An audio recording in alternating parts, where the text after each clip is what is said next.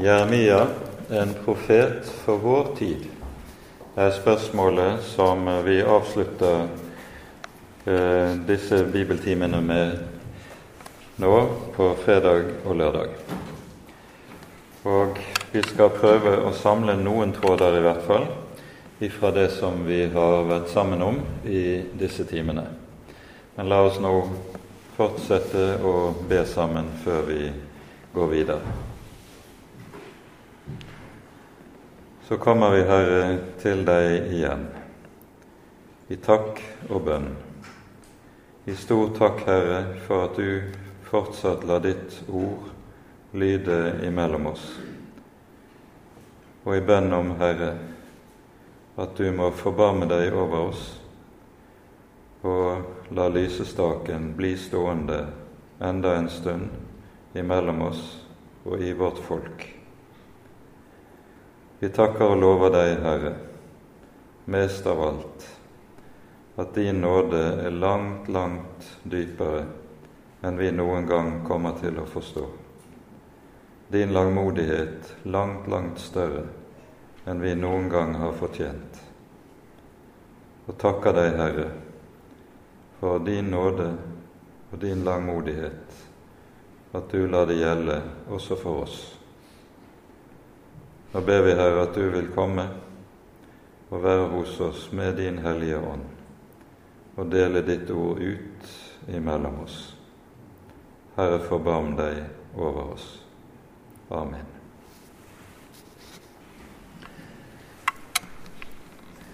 Jeremia, en profet for vår tid. Hva mener man med et sånt spørsmål? Man kunne jo egentlig stilt uh, spørsmålet når det gjelder alle profetene i Det gamle testamentet. Er de profeter for vår tid? Dvs. Si, har deres budskap noen som helst gyldighet for oss og inn i vår tid og i det vi opplever i våre dager, i vår situasjon? Det nye testamentet lærer oss med stor tydelighet at det som gjaldt Israel i den gamle pakt, det er forbilder for oss. Vi hører Paulus understreke dette i første Korinterbrev, der eh, han gjentar om Det gamle testamentets Israel disse ordene. Disse ting skjedde som forbilder for oss for at vi ikke skal ha lyst til det onde like som de hadde lyst til det. Og dernest, i det ellevte verset, gjentas altså dette hendte dem som forbilder, men det er skrevet til formaning for oss, til hvem de siste tider er kommet. Merk det. Til hvem de siste tider er kommet. Når vi stiller spørsmålet Jeremia en profet for vår tid, så ligger det i dette ikke det mer allmenne at Jeremia, like som alle profetene, har budskap til oss og inn i vår tid og vår situasjon. Men er det særlige forhold ved Jeremias budskap og Jeremias tid som gjør hans budskap på en særegen måte aktuell for oss. Det er det spørsmålet dreier seg om, og det er det vi skal se litt på.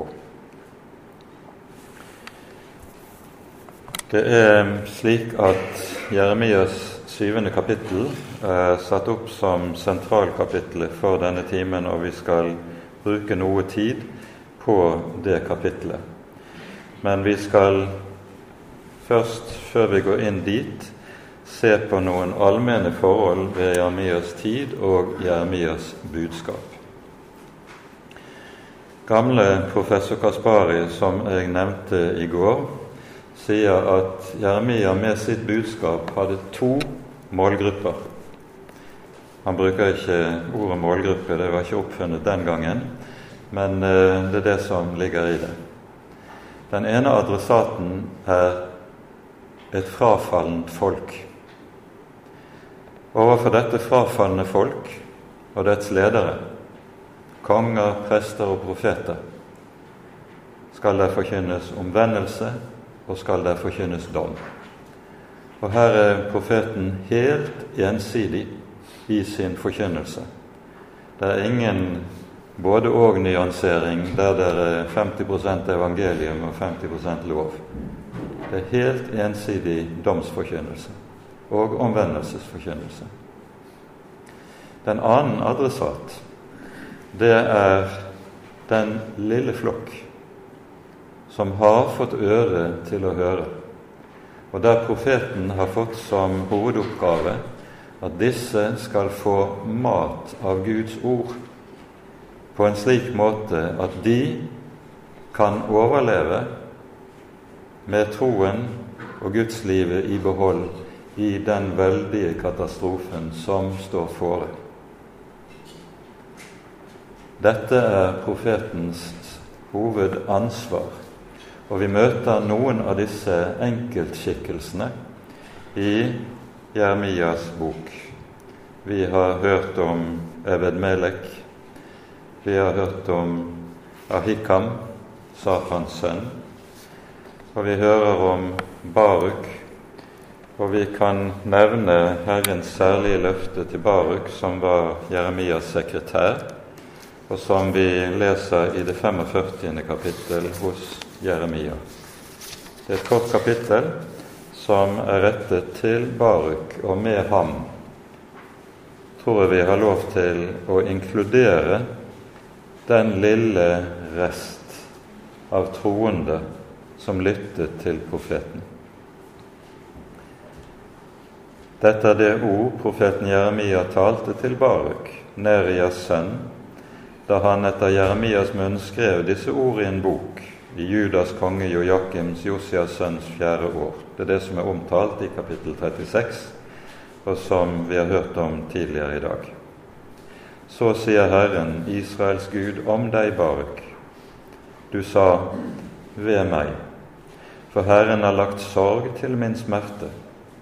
Jeg er trett av mine sukk og finner ikke ro. Dette skal du si til ham.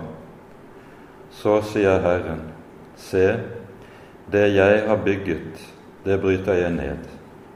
Det jeg har plantet, rykker jeg opp, og slik går det med hele jorden. Og du attrår store ting, attrår dem ikke, for se, jeg lar ulykke komme over alt kjød, sier Herren. Men jeg vil gi deg ditt liv til krigsbytte på alle de steder hvor du går hen. Jeg vil gi deg ditt liv til krigsbytte. Gjennom den forestående katastrofen er det noen som blir reddet, det som profeten Jesaja kaller for den lille rest. De får livet i krigsbytte idet Herren holder dem oppe, tar vare på dem gjennom den veldige nød som forestår. Og så er det Jeremia altså er satt til, med Guds ord, og gi disse den mat som er nødvendig for at de ikke bare skal berge livet i ytre legemlig forstand, men i ordets egentlige og åndelige forstand, bli bevart hos Han som er livets kilde han de ikke har forlatt, slik folket har forlatt ham.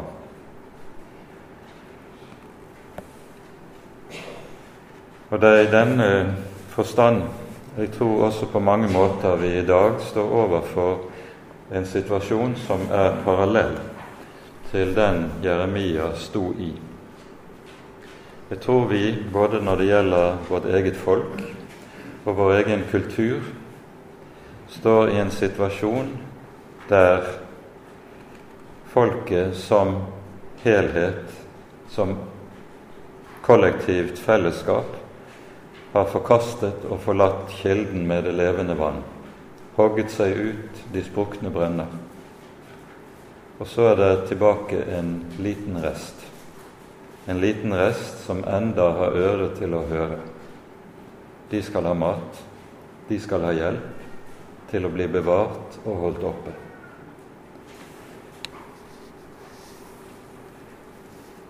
Guds folk i landet vårt har det gjennom mange årtier vært slik at en har bedt om vekkelse.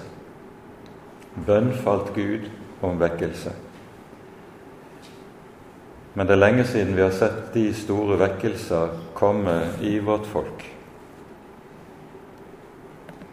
I Olav Allen Senstad sin bok, som ble utgitt som en samling bibeltimer etter krigen, det var bibeltimer som var holdt under krigen, beretter han om en samtale han hadde med en misjonær som var kommet hjem etter mange, mange år i Kina.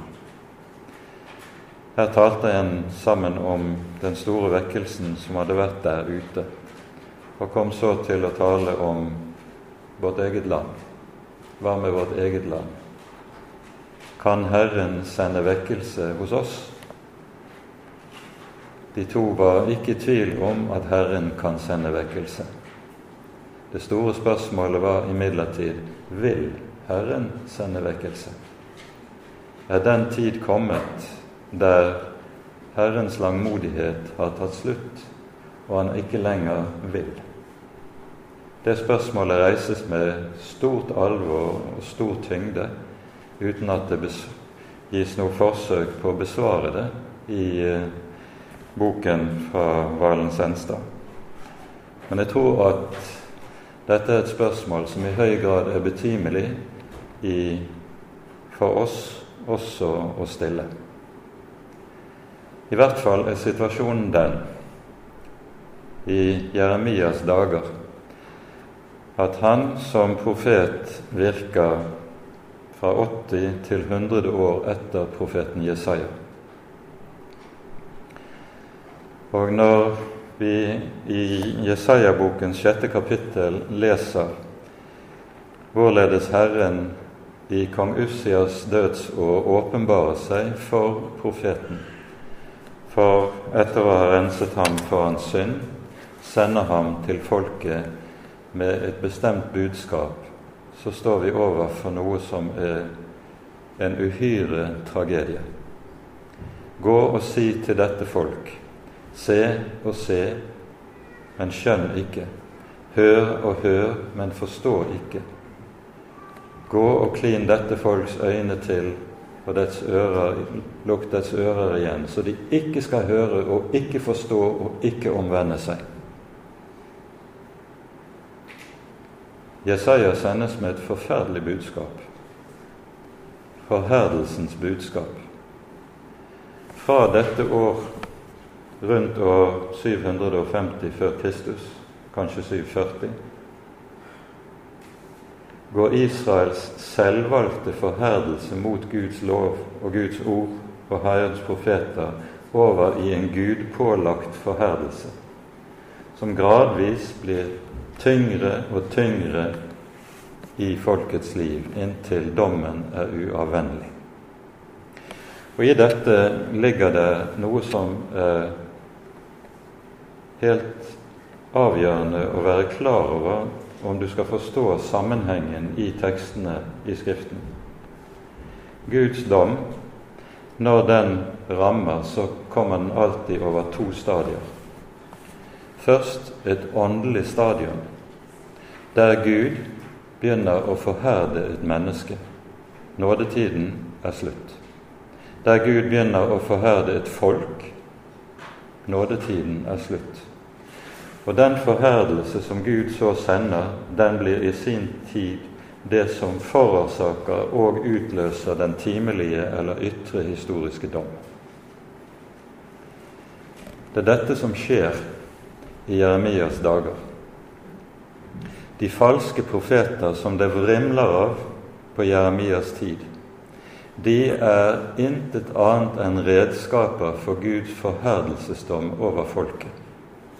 Gjennom de falske profeter forherder Gud folket ytterligere mot sitt ord på en slik måte at dommen til sist blir uavvennlig i form av babylonerne som kommer veltende.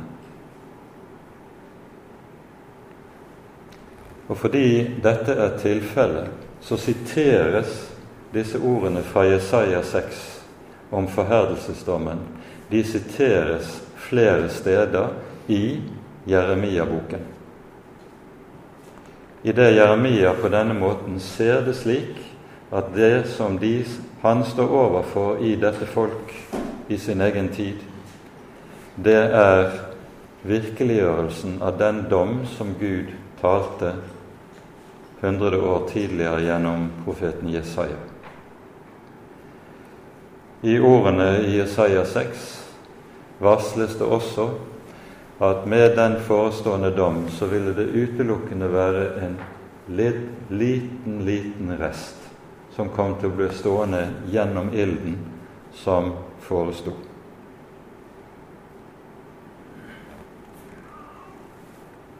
Dette er det Jeremia står oppe i.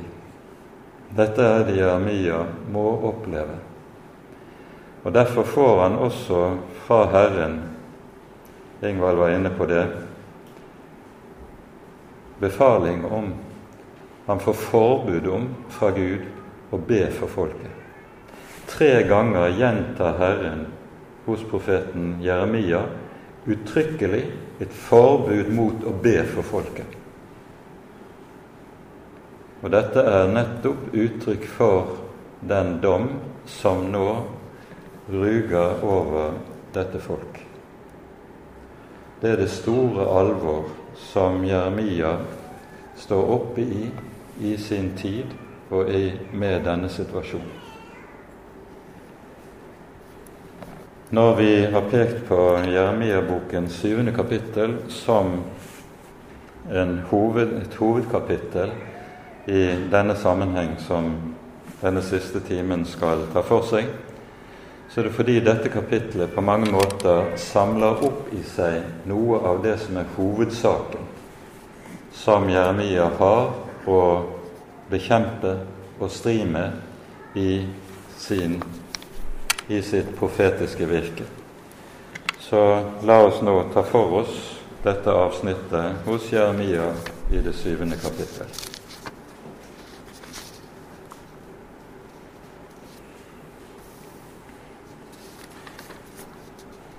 I det femte kapittel leser vi at det sies i de to siste versene Forferdelige og gruelige ting skjer i landet.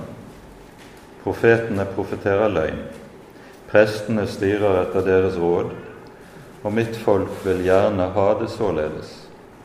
Men hva vil dere gjøre når enden på det kommer? Mitt folk vil gjerne ha det slik. Og så kommer det syvende kapittel, og vi leser nå fra vers åtte. Se, dere setter deres lit til løgnaktige ord til ingen nytte. Hvorledes?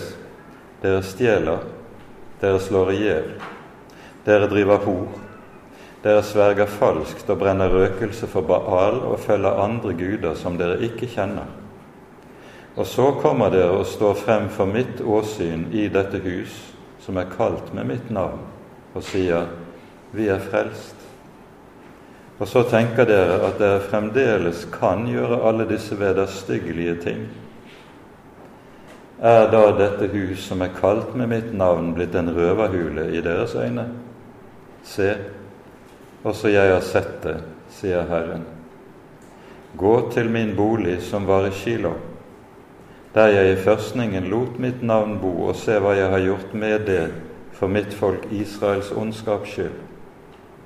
Og nå, fordi dere gjør alle disse gjerninger, sier Herren, og jeg talte til dere tidlig og sent, men dere ikke hørte, og jeg kalte på dere, og dere ikke svarte, så vil jeg gjøre med det hus som er kalt med mitt navn, og som dere setter deres lit til og med det sted jeg ga dere og deres fedre, således som jeg gjorde med Kilo. Og jeg vil kaste dere bort fra mitt åsyn, like som jeg har kastet bort alle deres brødre, all Efraims ett. Med det siste vises det altså til Nordrikes undergang, like som Nordriket gikk under i 622, kommer Sydriket nå til å gå under, varsles det gjennom Jeremia. Kjernen i det vi leser, det er folkets tvesinnethet. Det er ikke sånn at Israel på denne tid har forkastet Herren Israels Gud. Men Israel er behersket av den tankegang som var den alminnelige i hedenskapet. Herren er bare én Gud blant mange andre. Baal er også Gud. Astarte er også Gud. Marduk er også Gud, osv., osv. Det er mange guder. Så folket kunne dyrke den ene Gud den ene dag og den annen Gud den annen dag, og ha den aller beste samvittighet med det. Og I dette lå det vi kan kalle for en form for religiøs toleranse, som var vanlig i datiden. I det man Du har din Gud, og jeg har min Gud, og vi er gode venner. Og slik var det at folket tenkte om Herren. Han var én Gud blant mange andre, men var behersket av den hedenske tankegangen rundt gudene. Og Derfor forholder de seg også til Herren slik som hedninger forholdt seg til sine guder. Karakteristisk for hedenskapet var at det stiltes ingen etiske krav. Det krav som gudene stilte inn hedenskapet, det var religiøse krav, krav om offer og fest, offerfester. Men ellers kunne menneskene leve som det passet dem. Og som hedningene tenkte i forhold til sine guder, så begynte Israel også å tenke om forholdet til Herren. Og så hører vi dere stjeler, dere myrder, dere driver hor. Og så kommer dere i mitt hus og sier vi er frelst, og tenker at dere fortsatt kan gjøre alle disse ting. Det som er kjernen i dette, er det som samles i en enkel sum i Salme 50. Her adresseres samme problematikken, og så slutter salmen med å si om folket som tenker på denne måten. Dere tenkte at jeg var som dere. Altså, man tenker Gud er akkurat sånn som oss. Og det er jo slik det er med hedenskapets guder. Ser du på grekernes guddommer, så er de egentlig akkurat som oss mennesker. De kunne gjøre ondt, de kunne gjøre godt, de kunne ha sine lyster og sine lidenskaper og begjærligheter. De var akkurat som menneskene, bare større og levet lenger. Sånn begynte Israel å tenke om Herren sin Gud. Du tenkte jeg var som du. Men Herren Israels Gud er ikke som de andre guder. Herren Israels Gud er ikke som oss. Han er den hellige. Den hellige for hvem synden er vesens fremmed, den hellige som har det med seg at synd og Gud er som ild og vann. Det er to ting som ikke går sammen. Det er denne grunnleggende sannhet folket har forkastet ved å tenke om Herren slik som hedningene tenkte om sine guddommer.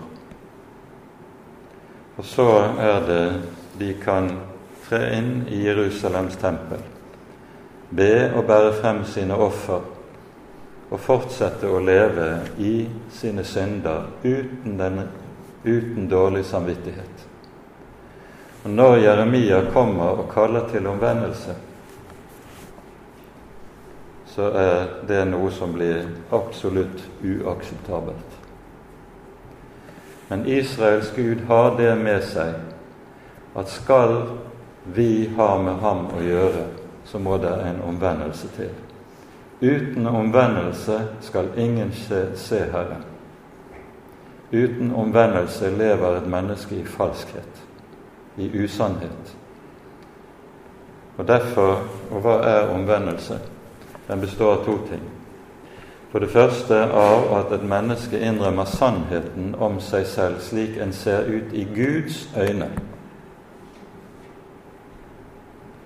Og her skal vi merke oss et uttrykk som går igjen i hele Det gamle testamentet, ikke minst i de historiske bøkene. Når det tales om ulike konger, så sies det om dem det kongen gjorde, var ondt i Herrens øyne.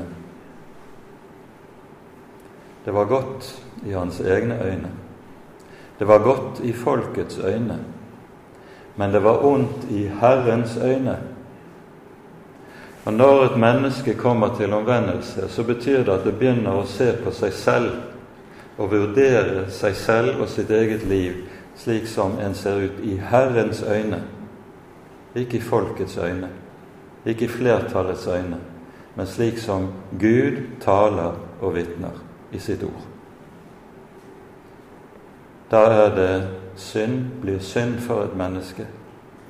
Da er det et menneske begynner å kjenne i samvittigheten Skal jeg ha med den levende Gud å gjøre, så må det skje noe radikalt som endrer alt. Omvendelse. Omvendelse betyr å komme til Jesus med sin synd komme til ham med synden som synd, som en vet med seg selv denne må jeg bli fri fra. Denne må slettes ut. Denne må jeg få tilgitt og renset bort. Uten det kan jeg ikke ha med den levende Gud å gjøre. Det er dette som er problematikken som adresseres her i det syvende kapittel hos Jeremia. Et folk som tenker de kan ha med Gud å gjøre, og fortsatt gå sine egne veier. Fortsatt følge sine egne tanker. Omvendelse betyr både å vende seg fra sine egne veier og fra sine egne tanker. Begge deler.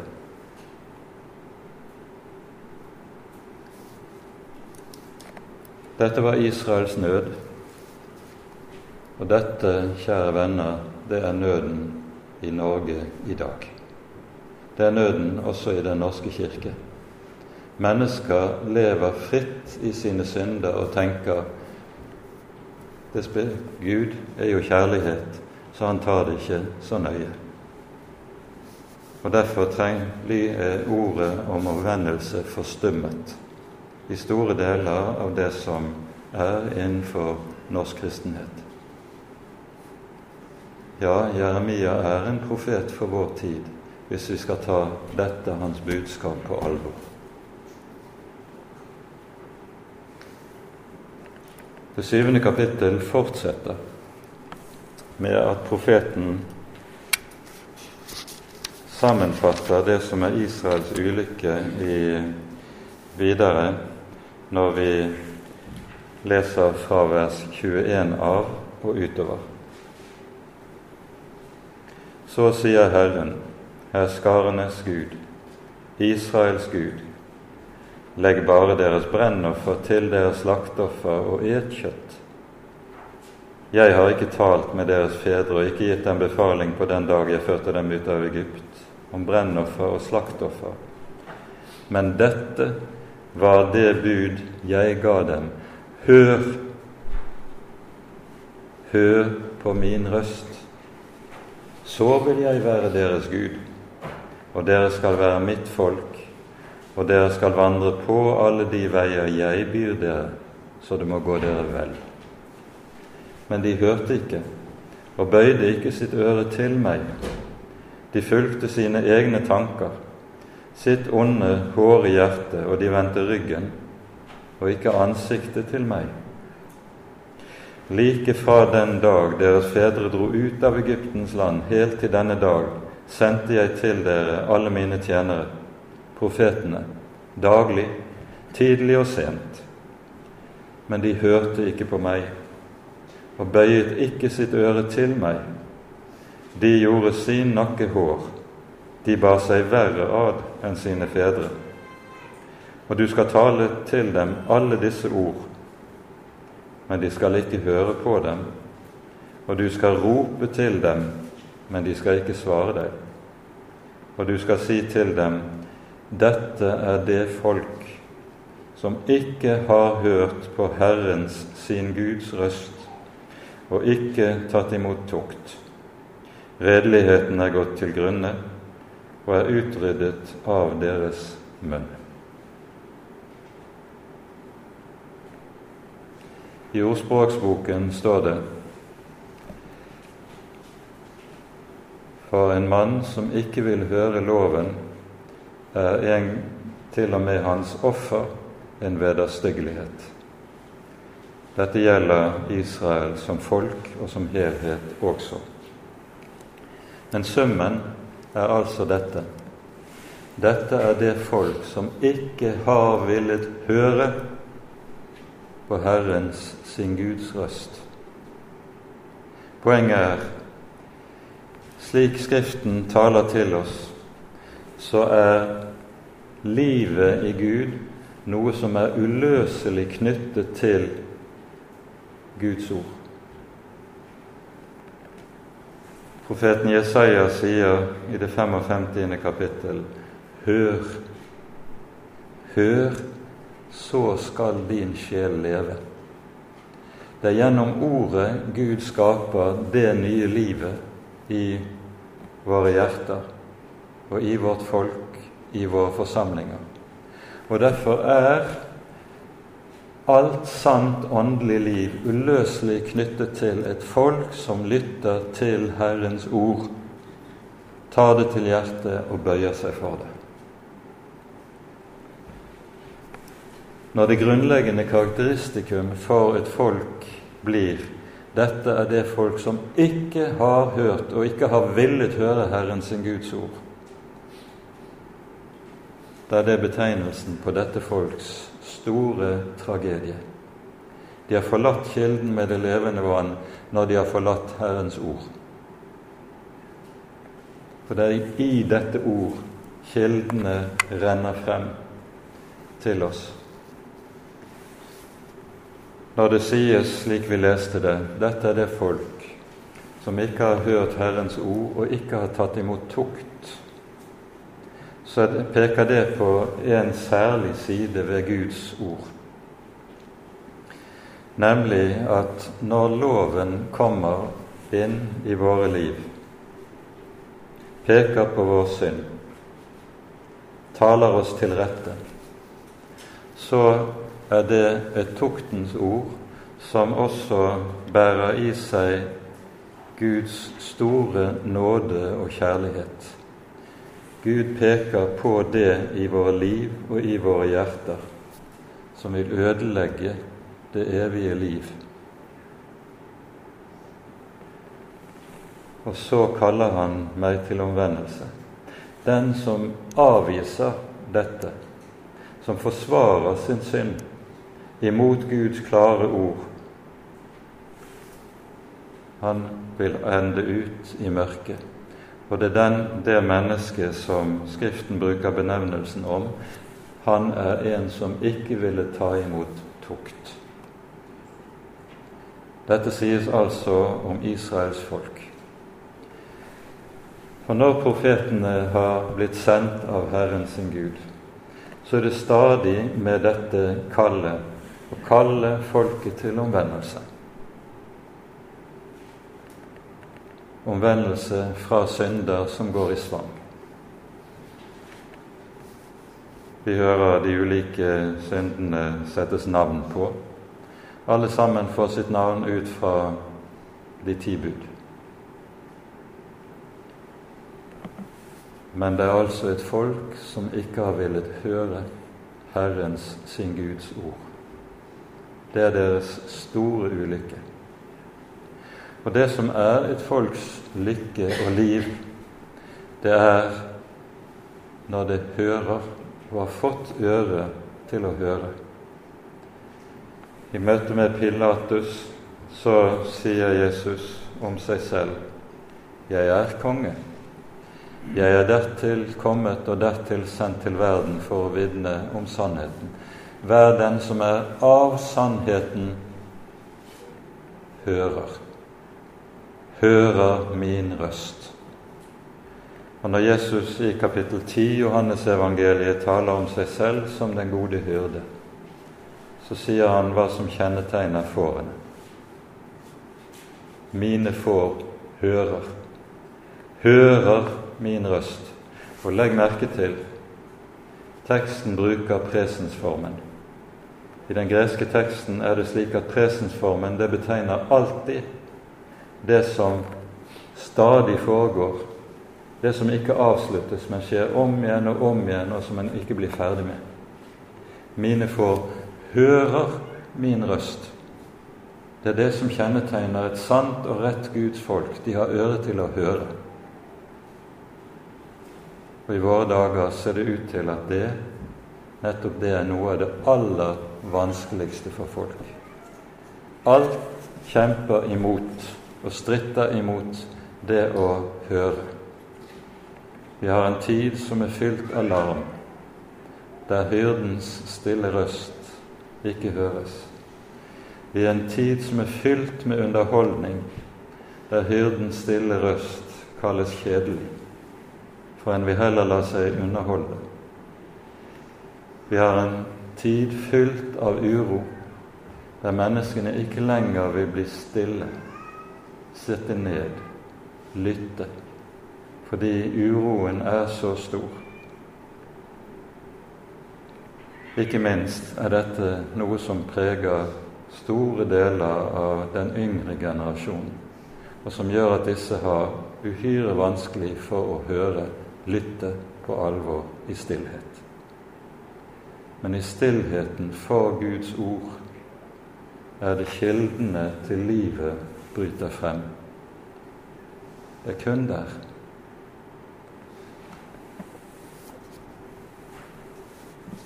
Dette er det folk som ikke har hørt på Herren sin Guds røst, sier Jeremia, med gråt i røsten, fordi han vet hva konsekvensene er av denne ulykkelige situasjonen.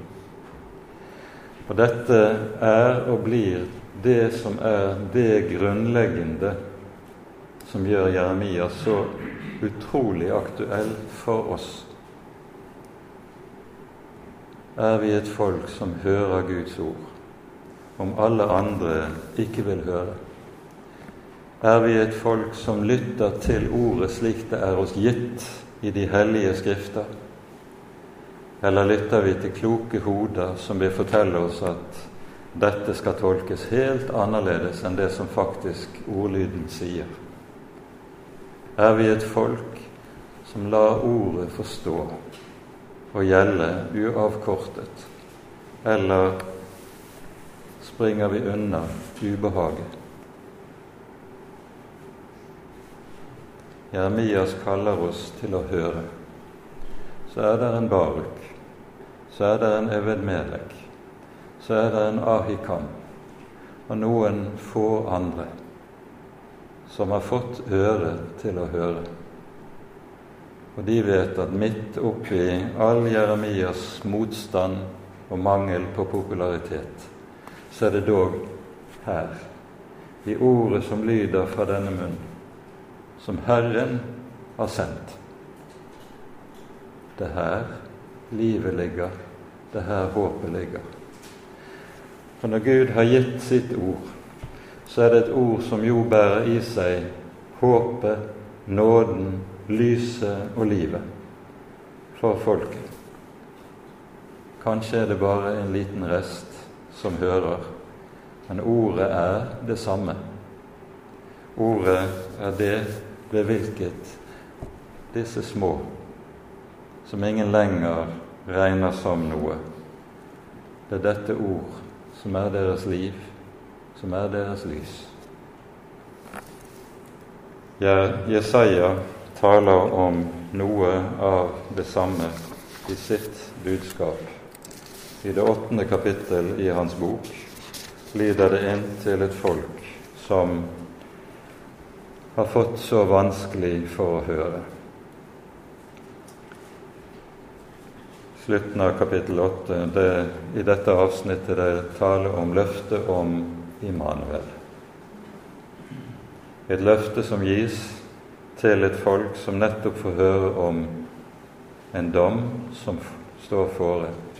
Men midt inn i den mørke tid der dommen skal komme veltende, så forkynner Herren Immanuel kommer. Immanuel betyr Gud med oss. Det var det som var løftet som bar Jeremia gjennom alle hans trengsler. Hele veien gjennom trengslene. Herren hadde lovet 'Jeg er med deg'. Jeg svikter deg ikke. Selv om det var så mørkt i perioder at Jeremia trodde Herren sviktet, så gjorde han det ikke. Herren var der og holdt sitt ord og holdt sitt løfte og ba profeten, tross det mørket han også måtte gjennom. Herren talte til Jesaja i vers 13.: Bind vitnesbyrdet inn, forsegl ordet i mine disipler. Jeg vil bi etter Herren, som nå skjuler sitt åsyn for Jakobs hus. Jeg vil vente på ham. Og Så kommer det i vers 19.: Og når de sier til dere, søk til dødningemannene, sannsigerne som hvisker og mumler, da skal dere svare:" Skal ikke et folk søke til sin Gud? Skal en søke til de døde for de levende? Til ordet og til vitnesbyrdet. Dersom de ikke sier så, dette folk som ingen morgenrøde har, skal de dra gjennom landet, hårdt plaget og hungrige. Og de skal se ned mot jorden, men se, det er trengsel og mørke angstfullt mørke.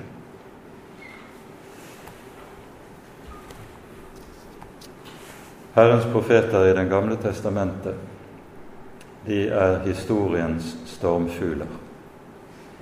De er sendt til et folk som står overfor en situasjon som bærer på de største omveltninger og de største katastrofer rent historisk.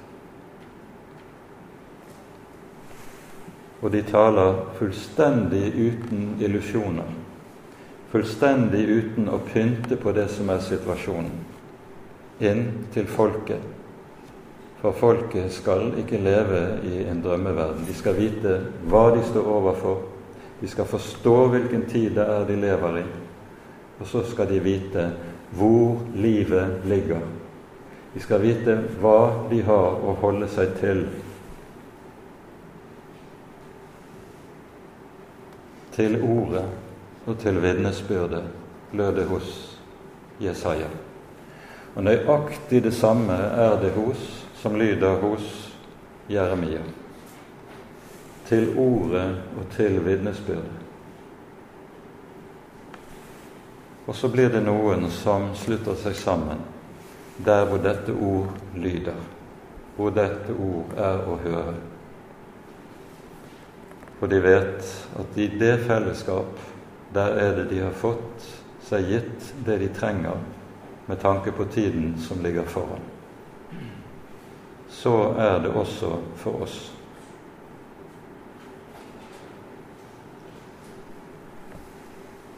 Guds folk trenger i våre dager på en aldeles særlig måte både å minne seg selv om nødvendigheten av å ta vare på det ord som er oss overgitt, og slutte seg sammen der hvor ordet faktisk lyder rent og klart. Det er så mange andre røster. Det er så mange røster som fører vill. Men der ordet lyder, der har han lovet, tross alt, jeg vil være med deg. Immanuel, jeg vil bære deg igjennom det hele.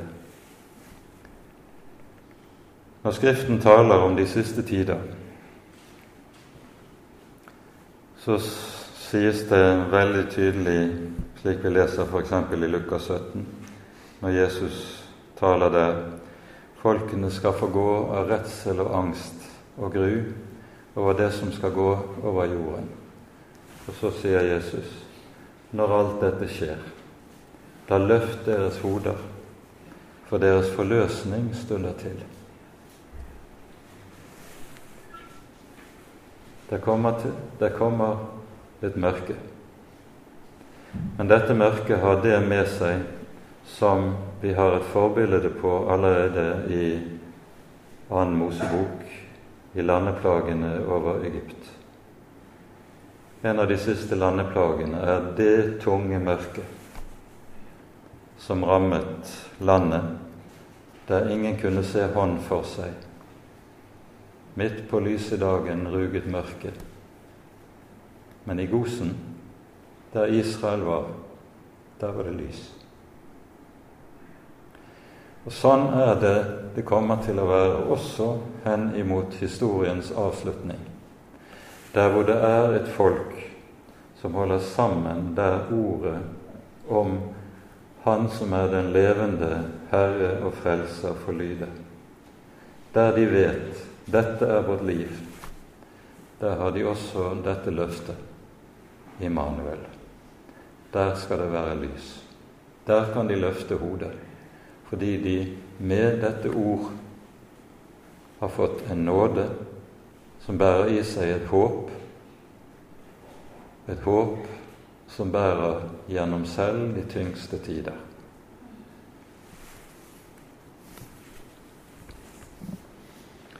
På denne måten er Jeremia en profet også for vår tid. Og så skal Jeremia lære oss å bli kvitt alle illusjoner og lære oss hva det er som bærer, for at vi skal holde oss der. For det er det Herren vil når Han kommer til oss med sitt ord. Han ønsker ikke den ugudeliges død, men at han skal vende om og leve. For Han som er Herre, er nådens Gud og nådens kilde. Med det setter vi punktum for siste timen i dag. Ære være Faderen og Sønnen og Den hellige ånd, som var og er og være skal, en sann Gud, høylovet i evighet. Amen.